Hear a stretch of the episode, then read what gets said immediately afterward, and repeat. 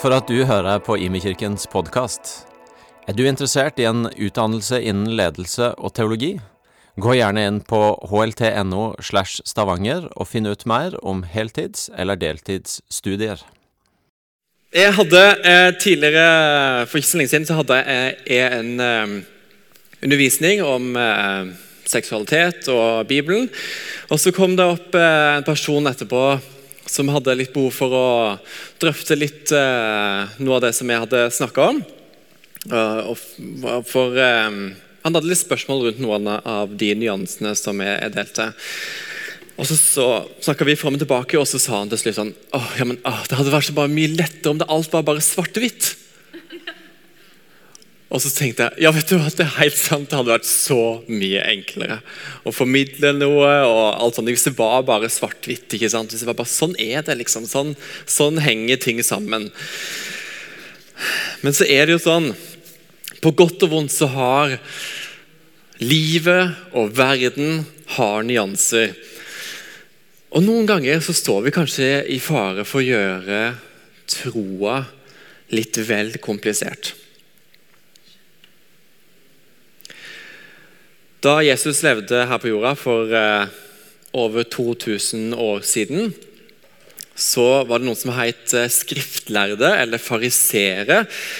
Eh, og de var lærde mennesker som hadde dykka skikkelig dypt inn i, inn i, de jødiske skriftene, hadde studert de og tolka de. Og så, hadde, ja, så de var, hadde satt seg skikkelig inn i, i, de jødiske skriftene. Og På den ene sida så nøt de respekt fra folket.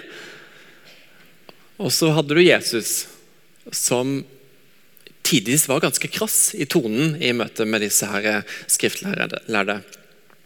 Fordi at de la stadig vekk til nye lover og regler og tradisjoner som det var krevende for de uinnvidde å henge med på.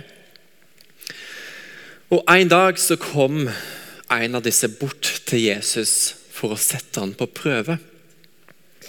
Og Vi skal lese fra Lukas 10.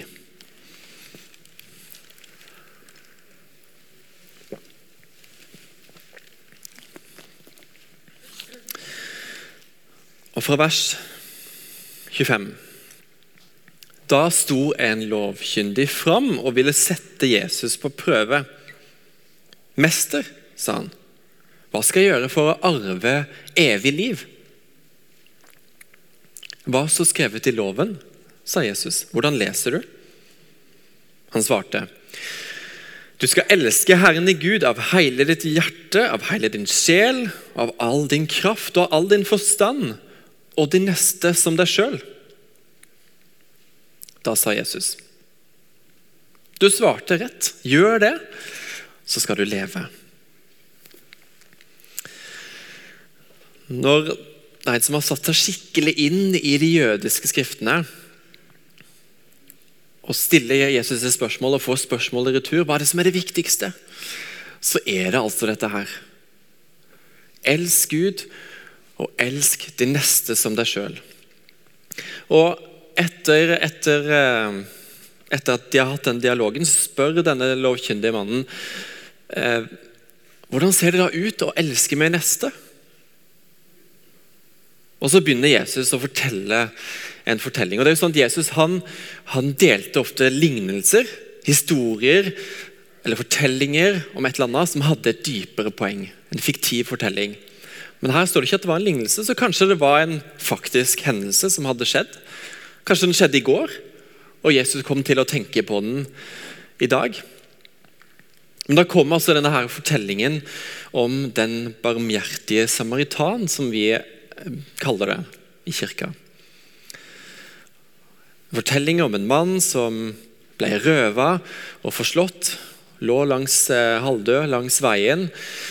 Og Så kom det den ene personen etter den andre som så det, men bare gikk forbi. Og Så kommer det en sånn samaritan som var på en måte litt sånn fra fiendefolket og den personen stoppa opp og så denne mannen. Tok han med seg, sørga for han, sånn at han hadde det han trengte til han ble frisk. og viste nestekjærlighet. Og Noen ganger når eh, livet blir litt sånn komplekst, litt komplisert, og så skal du prøve å få troen til å henge sammen med dette her, så, så som sagt, så, så, av og til så kan bli, troa bli litt sånn litt eh, komplisert. Og Da syns jeg det er befriende å koke det ned til dette her. Koke det helt ned til disse to likeverdige sidene av samme mynt. Elsk Gud, og elsk de neste som deg sjøl. På engelsk så, så, brukes jo det, så oversettes det med altså neste. De neste oversettes med nabo. Det er litt kult. At det er din nabo, den du bor ved siden av, den du er ved siden av. Elsk din nabo som deg sjøl. Your neighbor. Um, og det er sånn, at Hvis jeg tenker på det, koker ned til disse tingene, elsk Gud og de neste som meg sjøl, så er det sånn at det, det, er ikke så ofte jeg trenger så veldig lang tid på å finne ut av en eller annen konkret praksis ut ifra dette her. For det er ganske sånn hvitt samtidig. Og så lever jo vi i en annen tid og en annen kultur enn den fortellinga om den barmhjertige samaritanen. Eh, det er ikke sånn at vi opplever at det ligger ofte så veldig mange forslåtte, frarøva mennesker langs veien der hvor vi er i hverdagen. Men det er likevel mange mennesker rundt oss som lengter etter å ha en hånd å bli hilst på med. Det er mange som lengter etter at, eh, at de skal si navnet ditt, og at det er fra en person som virkelig bryr seg. Det er mange som lengter å spise middag rundt et annet spisebord enn sitt eget. Og det er mange som lengter etter en mening med livet og en himmel over livet.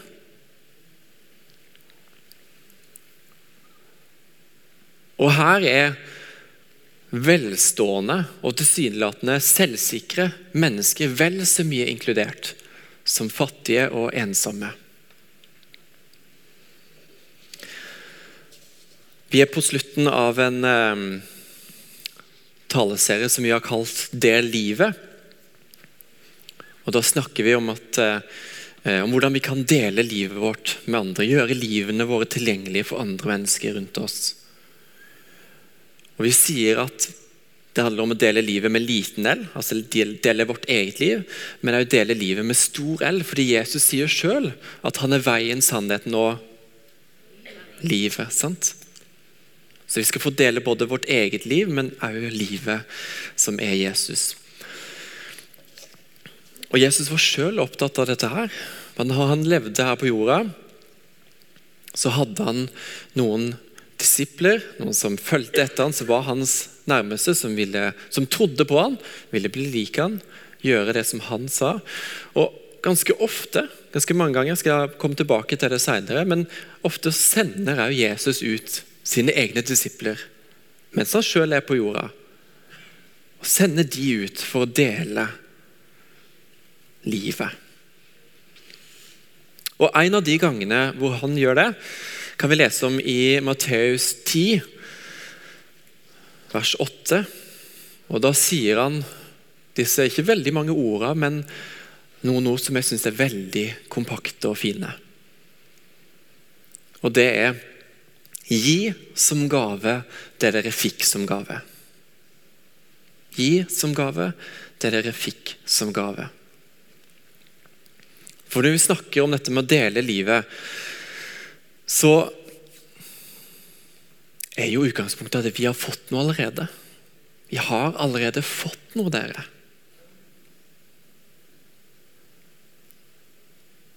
Og det er en gave. Her i kirka bruker vi av og til et ord som er nåde. Og det betyr jo nettopp dette her. En gratis gave. Nåde kan jo for, På en måte bruker vi det i settingen av at vi er blitt tilgitt, at Gud tilgir oss. Men det betyr mer enn det. Det er jo det er en gratis gave. Vi har ikke fått, gjort noen ting for å få den. Vi har fått en gratis gave. Gi som gratis gave det dere fikk som gratis gave.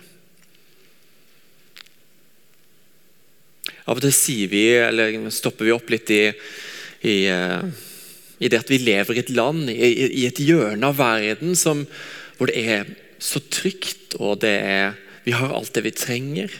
Vi lider ingen nød, som materielt sett. Stort sett, og så vet jeg det er unntak, men, men eh, hvis vi skal sammenligne oss med store deler av verden, så er vi utrolig privilegerte. Det er fint å stoppe opp med det og kjenne at man er det er grunn til å være takknemlig for det. Men jeg tenker Det er jo grunn til å stoppe opp og tenke wow. Gud har betrodd oss og gitt oss en gratis gave. Av alle mennesker i hele verden så har han gitt I hvert fall til du som tror på det. Har han gitt en gratis gave. Og til du som ikke ennå har tatt det valget, så vil han fortsatt gi den gratis gaven til du.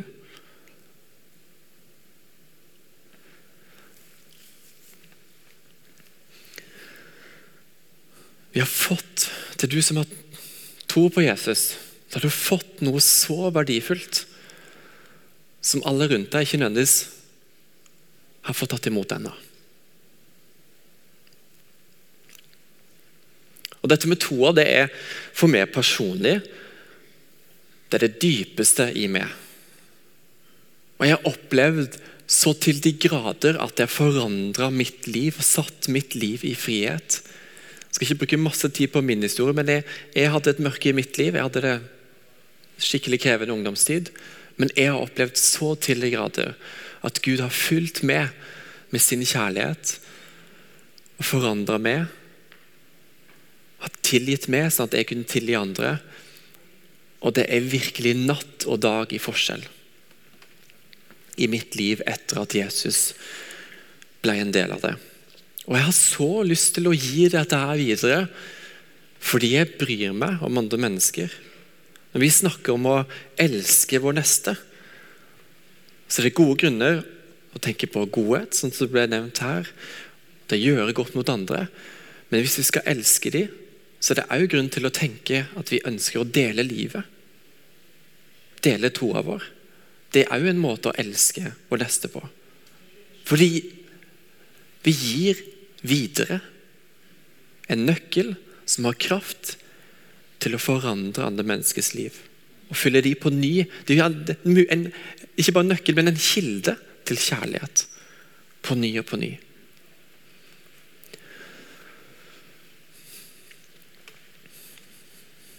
Og Det som jeg syns er så fint med dette her bibelverset Gi som gave det dere fikk som gave. Det er nettopp det der, å ja, det er en påminnelse om at jeg har fått det allerede fra før av. For Av og til så kan det jo bli litt sånn prestasjon. Du skal prøve å få til noe med det, dele den troa igjen. og eh, Av og til så er det ikke så lett å vite helt hvordan det ser ut. og, og det er enda en ting på den to do-lista osv. Men dette bibelverset blir som påminnelse ok, men du har faktisk fått en gave.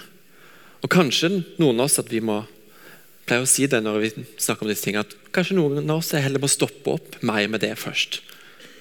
Hva betyr det at du har fått denne gaven? Så kan det få være utgangspunktet.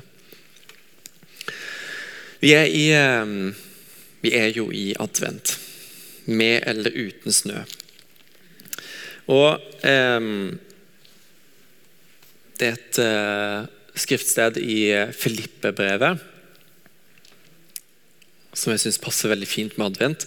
Uh, og som er satt i en kontekst egentlig av dette med å dele troa. Det står i Filipperne 2, 6. Da står det om Jesus. Han var i Guds skikkelse og så det ikke som et rov å være Gud lik. Altså, han, han var Gud, han var i Guds skikkelse, men han ga avkall på sitt eget. Tok på seg en tjenerskikkelse og ble menneskelig lik. Da han sto fram som menneske, fornedra han seg sjøl og ble lydig til døden, ja, døden på korset. Og Dette er jo kjernen i det vi tror på. ikke sant? Jesus dør på et kors. Tar på seg alle syndene våre, alt det vi har gjort galt, så vi kan komme helt nær han igjen. Han kom her på jorda. Han var Gud. Han kom, valgte å komme som et menneske. Vise oss hvem Gud er, og sette oss i frihet. Og Så står det disse ordene her jeg stopper opp med i dag, stopper opp med at han ga avkall på sitt eget. Tjenerskikkelse Fornedra seg sjøl. For et forbilde vi har i den guden vi tror på. Jeg hørte en podkast denne uka som eh, snakka litt om ulike aspekter med troa. Da delte han Tim Keller, um, som hadde podkasten, delte at um, kristen tro skiller seg fra alle religioner på flere punkt, men bl.a. dette her. At Gud sjøl kommer ned som menneske og tar del i lidelsene. Det er ingen andre religioner som har et sånt gudsbilde. Som nærmer seg mennesket på en sånn radikal måte. Altså du kan, En ting er liksom de, de store religionene, men du kan også gå til folketro i forskjellige kulturer. Men, men det kan ikke sammenligne seg. Altså en Gud velger å komme nær på en sånn måte. Gi avkall på sitt, fornedre seg sjøl. Ta på seg en tjenerskikkelse. For et forbilde vi har i den guden vi tror på. Og Når vi snakker om å dele livet, så har vi en Gud som har gått foran oss så til de grader. Jeg merker Når jeg leser disse versene, så blir jeg så utfordra sjøl. Wow! Hvis jeg skal følge etter Jesus. Wow, for et forbilde jeg har. Snakk om å gå ut av komfortsonen, hvis du skal bruke de begrepene.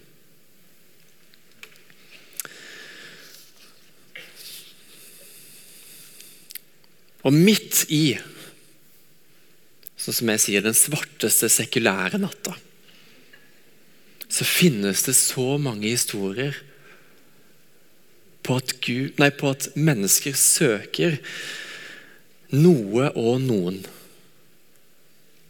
Lengter og leiter etter svar, sannhet, mening og en større historie. Og Jeg tror det er grunn til å tenke at det er kanskje enda mer av det nå, etter pandemi og krig og økonomisk uro osv. Jeg tenkte på det bare under lovsangen at oi, jeg kjenner ganske mange nå som, som, er på min alder, som leiter og lengter etter svar. Lengter etter en Gud. Og Jeg liker å si at eh, folk tror mer enn vi tror at de tror. Og folk tror mer enn de tror at de tror sjøl. Jeg sier det for, fordi jeg tror det er sant, og fordi det kan skape litt forventning i oss. Så vi kan få være med og så sånne trosfrø rundt forbi. Og vanne de trosfrøa som allerede ligger i hjertene til folk. Vi kan få være med og hjelpe mennesker å oppdage at faktisk Gud finnes, og alt det det betyr. I dag så har jeg lyst til å oppsummere noen av disse her praksisene for det å dele livet, som vi har vært innom kanskje før, noen av de i taleserien. Eh, og hvis du har hørt det før, så kan du glede deg over at det er veldig pedagogisk med repetisjon. Og jeg har gjort det superpedagogisk, for jeg har lagd tre punkt hvor alle begynner med 'bli'. Ok? så gled dere. Nå er dere nysgjerrige. Ok, Den første er 'bli kjent'. Vi er, her er det mange forskjellige folk som har ulike hverdager. Og Noen bruker mye tid på jobb og studiested, og sånne ting, men det vi de fleste, kanskje alle av oss, har til felles, er at vi har et sted hvor vi bor. Så la oss ta utgangspunkt i det. Bli kjent i, i det der hvor, du, der hvor, du, bor. Jeg har lyst til å utfordre deg på å gå de 20 meterne til en nabo og banke på døra og hilse på og si 'Hei, jeg bor her borte. Jeg har så lyst til å vite, vite hvem du er. Hva er det du heter for noe? Jeg heter det. Og Det er litt lettere hvis du er flytter inn ny i nabolaget. Da er det litt mer naturlig. Da har du en grunn. Det er kanskje litt mer sånn kan kjennes litt mer merkelig hvis du egentlig har bodd der lenge. For da burde du kanskje visst det navnet. Så det er en litt større fartsdump. Men hvis du ikke vet navnet, så gjør det likevel. Kan du begynne med Beklager, jeg burde sikkert, vi har kanskje hilst, jeg bare husker ikke navnet. Hva var det for noe? Og så kan du slå av en prat.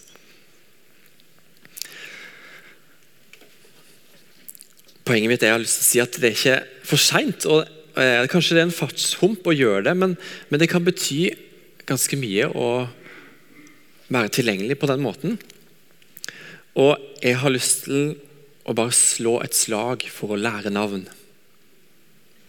Når vi flytta inn i det nabolaget vi bor nå, så ganske tidlig begynte jeg å lage et sånn navnekart på de som bodde. For jeg tenkte jeg vil lære navnene på de som bor i nabolaget mitt.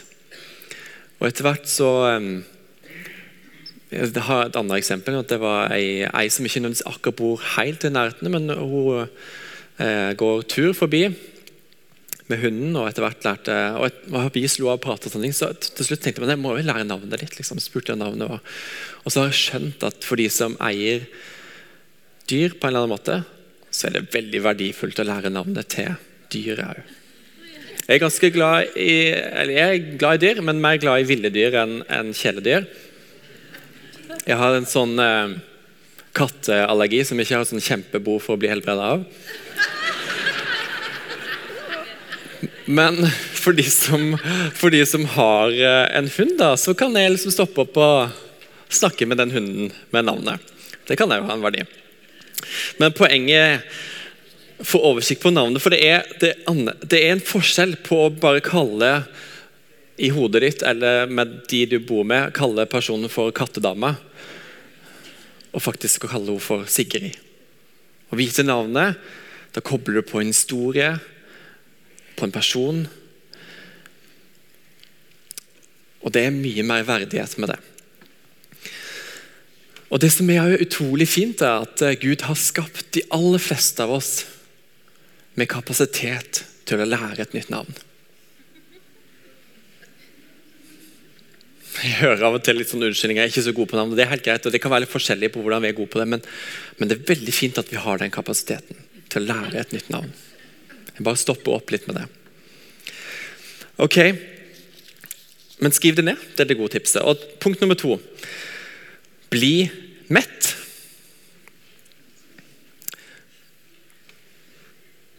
jeg kommer kanskje litt på sånn, Dette er kanskje litt sånn eh, Kanskje trår jeg ut på tynn is her. Jeg kjenner ikke din nabo. Det kan være litt sånn vill gjetting.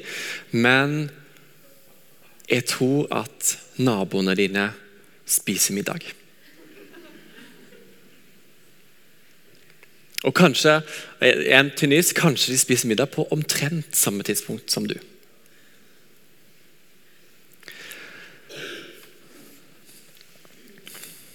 Det å spise middag sammen, spise mat sammen, dele et måltid på en eller annen måte, det kan være kveldsmat og hva det måtte være, det er noe av det enkleste og næreste vi kan gjøre. Enkleste fordi alle spiser mat. Alle vet hvordan de skal spise. Alle trenger mat. Og da har man en aktivitet felles og næreste fordi man kommer inn på hverandre på en annen måte. Å dele et måltid er ofte et sted hvor folk kjenner seg velkommen og erfarer å bli tatt imot og verdsatt.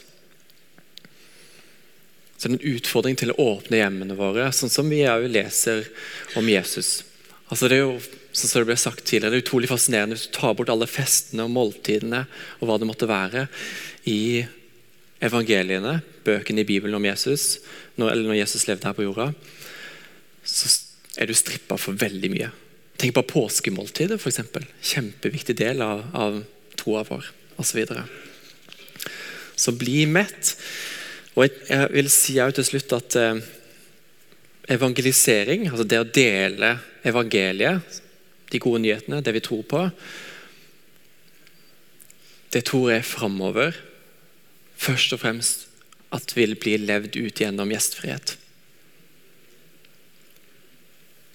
Jeg tror vi kommer til å se mye mer av det framover. Siste blien er 'bli med'. Og Det er den som kanskje legges til i dag. Jeg har lyst til å utfordre oss på å tenke gjennom hva det kan invitere disse menneskene som jeg har rundt meg, med på, for at de skal få muligheten til å ta nye trosteg. Det kan være invitere med på noe som skjer i kirka, gudstjeneste, huskirke eller hva det måtte være. Det kan være å invitere dem med til å høre en eh, podkast. Kanskje dere kan høre den sammen og snakke om den, reflektere sammen rundt det. Jeg har eh, to helt konkrete tips der. Eh, den ene er 'Vendepunkt' Marianne Eide. Hører til i, i har vært her og hører til i kirka her, men nå bor i Oslo og er med i kollektivet. Han har en podkast som eh, jevnlig legger ut episoder som, som, handler om mennesker som har hatt et vendepunkt med Gud i livet. Og da ser du bare, For det første skaper det så masse tro i meg, og at dette her er relevant i dag og får betydning for mennesker. At de deler troa. Men det gir det bare et veldig vidt spekter på hvordan mennesker kommer til tro. Så det er en fin ting både å bli oppmuntra sjøl, men det er jo å dele med andre som er på vei. At du er ikke alene. Og det finnes mange veier til Gud. Og Den andre podkast-tipset er 'Questioning Christianity' av Tim Keller, som jeg nevnte nettopp. Eh, det er en litt sånn mer sånn eh, apologetikk eller trosforsvar. Approach. Tilnærming. og Eh, den, men den er på veldig sånn forståelig nivå. Er på engelsk, men veldig fin og aktuell i den tida vi lever i. Og så Den andre tingen som det går an å invitere med på, er kurs. Jeg har lyst til å snakke litt om alfakurset. For Vi har gått en prosess med huskirkene i høst om noe som jeg hadde lyst til at alle dere som er i menigheten her skal få eh, vite om. Og det er at eh, vi har lyst til å satse på å kjøre alfakurs i huskirkene neste semester. Alfakurset er det mest brukte kurset i verden for dette som har med tro å gjøre. Millioner av mennesker som har gått på det, oversatt til 112 ulike språk. Eh, og eh, er et redskap for å hjelpe mennesker til å finne veien tilbake til Gud. Og, gå litt prosess på det. Um, og Tradisjonelt sett så har alfakurset vært eh, ofte i kirkebygningen, og det med god grunn. Og Det gjøres fortsatt masse med god grunn. Der, der vi, vi, har tatt det kurset til, til, Norge og har så masse gode erfaringer på det i, i bygget her. Og så har de sett eh, internasjonalt at eh, de siste åra har det blitt, delt, blitt brukt mye mer i hjemmene. Fordi at det, For mange er det en sånn terskel å komme til kirka, men å komme i et hjem hvor man kjenner folk allerede fra før av, er lettere. Og eh, Jeg hadde lyst til å si at det skal vi kjøre i mange ulike steder i, eh, i byen vår til våren. Så hvis du er her inne og er nysgjerrig på tro, har spørsmål rundt tro, så er du så velkommen til å hekse deg på det kurset. Og Hvis du er her og ikke hører til en huskirke, men har lyst til å ta med deg noen på et sånt kurs, så er du så velkommen til å hekte deg på. Send, gi, gi, oss beskjed. Send oss en mail på heiatimekirken.no. Jeg har, eh, jeg har toppa laget i dag og fått med meg et par som er utrolig flotte, og som har erfaringer med dette sjøl. Så vi skal ta godt imot eh, Elisabeth og Arvid.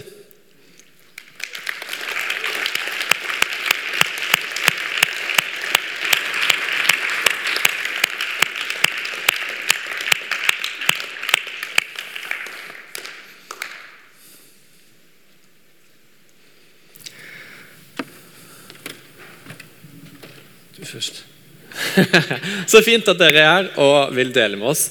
Eh, dere har eh, for det første utrolig flotte folk. Unner dere å bli kjent med dem. De eh, har eh, leda alfakurs hjemme hos seg lenge, mange år. Kjørt mange kurs. Hvor mange kurs har dere kjørt? tror dere? Nei, Det er vi litt usikre på. Vi prøvde å telle, men vi fant vel ut at det var 15-16 år siden første gang. tror jeg. Ja. Så kult. ja. Eh, så dere har jo gått foran oss og har gjort, eh, gjort mye på dette. her. Men eh, vil dere dele først litt, hvordan har det vært å få med seg folk på alfakurset? Hva, hva har dere gjort for å, for å få med dere folk? Det, det ble meningen om at du skulle svare på. Jeg holdt på å si ingenting. For vi har levd livet sammen med gode naboer og kollegaer. Vi valgte tidlig å bli med i idrett som ungene hadde, og ga oss til det. Så lever du jo livet sammen med disse her. Og da går du på fest med dem òg. Og etter tolv så kan det skje mye løye på disse festene. Og da deler de gjerne noen tanker om at de òg, for de er jo ikke annerledes enn oss, tenker på Gud og livet. Og så kan jeg holde dem fast dagen etterpå. Fordi at vi har gått på så mange alfakurs i menigheten, så vet vi at det er det aller beste kurset. Og i starten, når vi bare fikk noen som var naboer som hadde lyst til å høre litt, så tenkte vi at da må vi jo bruke alfa. Og så var det bare meg som underviste. Huh, det var ikke bare bra, tror jeg. Men det var det redskapet vi hadde, og vi kjørte det hjemme, sånn at eh, skuldrene var nede og folk fikk slappe av.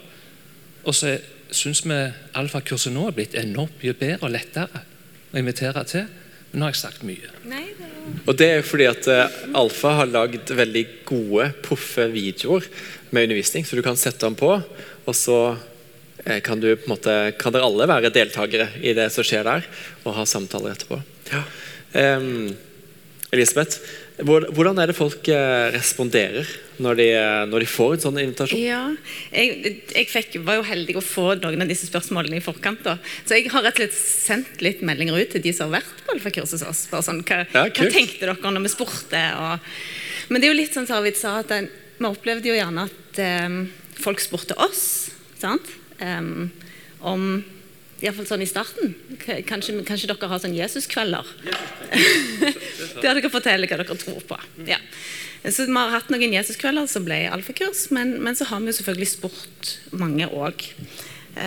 og noen sa at det syntes de var, hørtes nifst ut. Um, syntes det hørtes ut som noe der de måtte kunne veldig mye fra før. Um, og heldigvis på en måte så viste det seg at det var ikke nifst.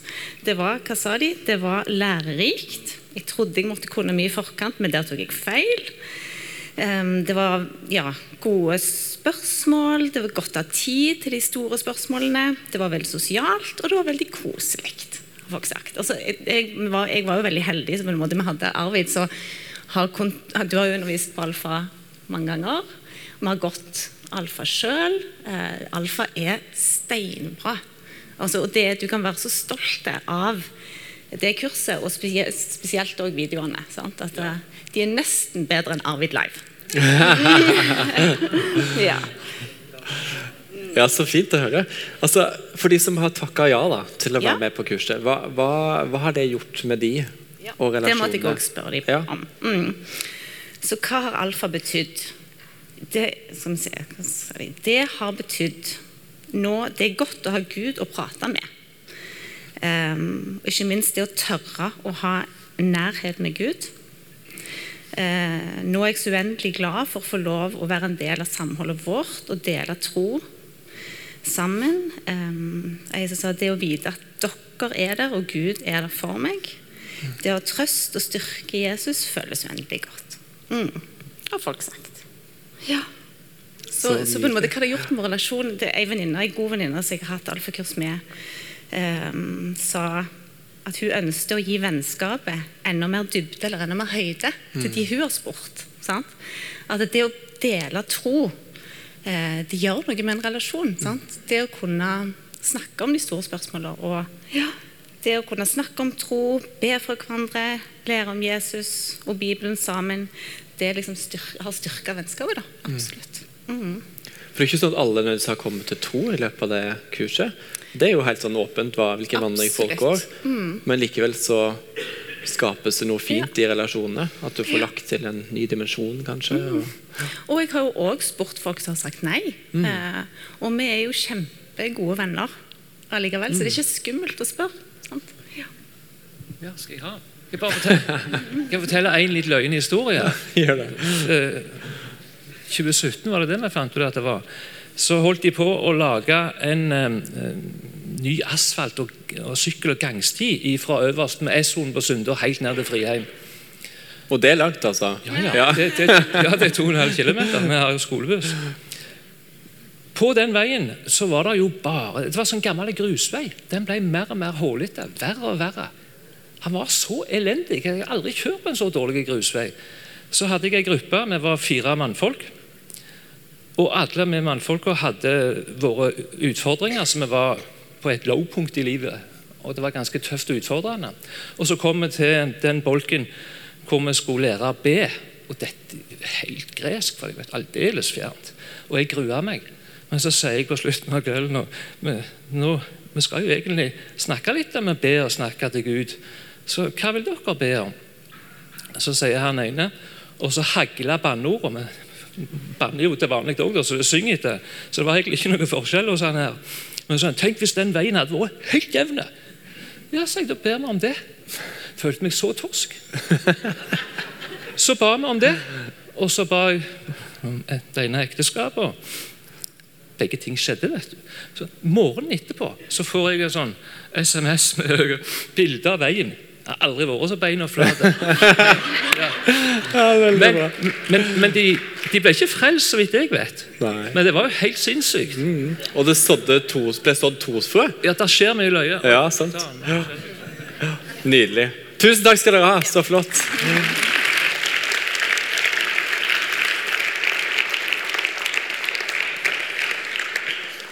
Jeg har lyst til å sende deg av gårde med to oppmuntringer. Eh, Og Det ene er at Gud utruster. Gud utruster. Når jeg var inne på det, at Jesus han sender ut disiplene sine stadig vekk. Jeg skal gi kort skal jeg lese tre eksempler på det og legge merke til det som skjer her. Det første eksempelet er fra Johannes 20, 21 og 22. Som far har sendt meg, sender jeg dere. Så ånda han på dem og sa, ta imot Den hellige ånd. Ta imot Den hellige ånd, sender det. Videre, Neste eksempel er fra Apostelens gjerninger 1,8. Men dere skal få kraft når Den hellige ånd kommer over dere, og dere skal være mine vitner i Jerusalem og hele Judea, i Samaria og helt til jordens ende. Dere skal få kraft og være mine vitner. Og Siste eksempelet er fra um, Matteus eh, 28. Gå derfor og gjør alle folkeslag til disipler, og se, jeg er med dere alle dager inntil verdens ende. Vi har en Gud som sender oss, som, har, som betror oss, som, som har tro på oss. Men tro aldri at han sender deg ut alene. Det er ikke sånn at han bare dytter deg ut døra. 'Lykke til!' Vet du hva? Det er ikke én millimeter han ikke går sammen med deg. Han er full av kraft, og han sender deg ut. Med kraft gå sammen med deg. Fyller deg opp med sin hellige ånd. Så Gud er den som utruster, og det kan vi stole på. Det er viktig for han. Det henger sammen når han sender oss ut. Så Gud utruster, og Gud utruster deg. Eller du, som jeg ville sagt. Gud utruster deg. Og Vi har snakka om det før. Vi har alle en rolle å spille i dette her. Vi er alle inkludert. Alle er invitert til å være med på dette her. Trenger ingen mastergrad. Og Når vi snakker om disse helt konkrete tingene, bli, bli kjent, bli mett og bli med Dette er ting som alle kan være med på. Alle er invitert. Han utruster du. Og så hører han når vi ber. Når vi ber Gud, her er jeg. Bruk meg til å dele livet. Jesus, her er jeg. Send meg ut.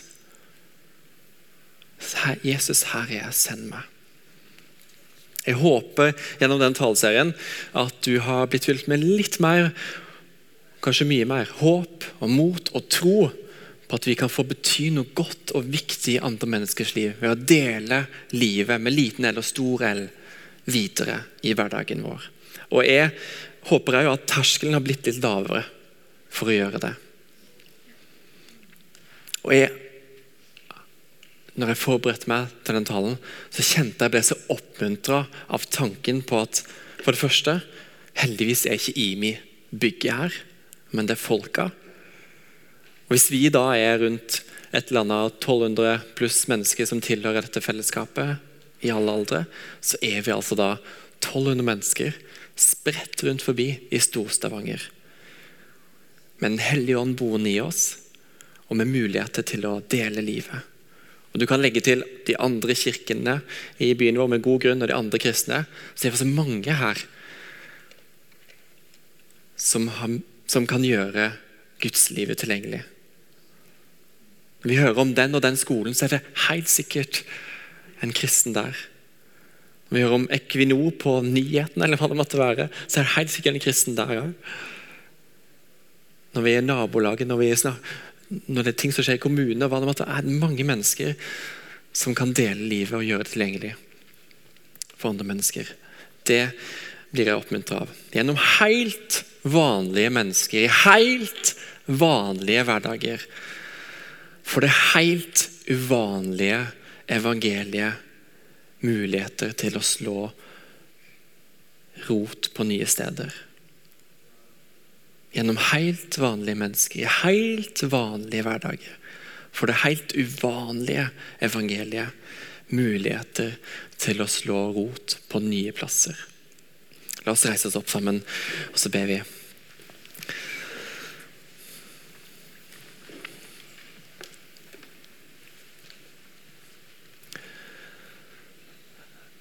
Jeg takker deg, gode far, for at eh, det er alltid sånn at når du sender oss, så går du med oss. Så fyller du oss opp med din Hellige Ånd. Så vi inviterer deg nå. Kom, Hellige Ånd, og fyll oss opp. Fyll oss opp med din Hellige Ånd. Der hvor du står nå, ta imot fra Den hellige ånd. Se for deg Jesus òg puste på du og si 'ta imot Den hellige ånd'. Ta imot Den hellige ånd.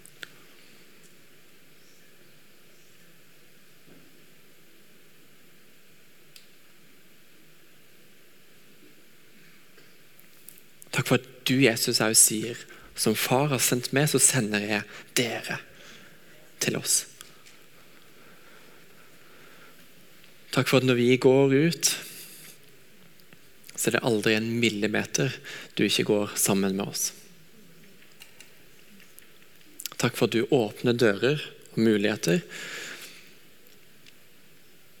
Og takk for at du åpner øynene våre til å se dem, og mot til å gripe dem. takker deg for at du har betrodd oss evangeliet. Og betror oss å gi det videre.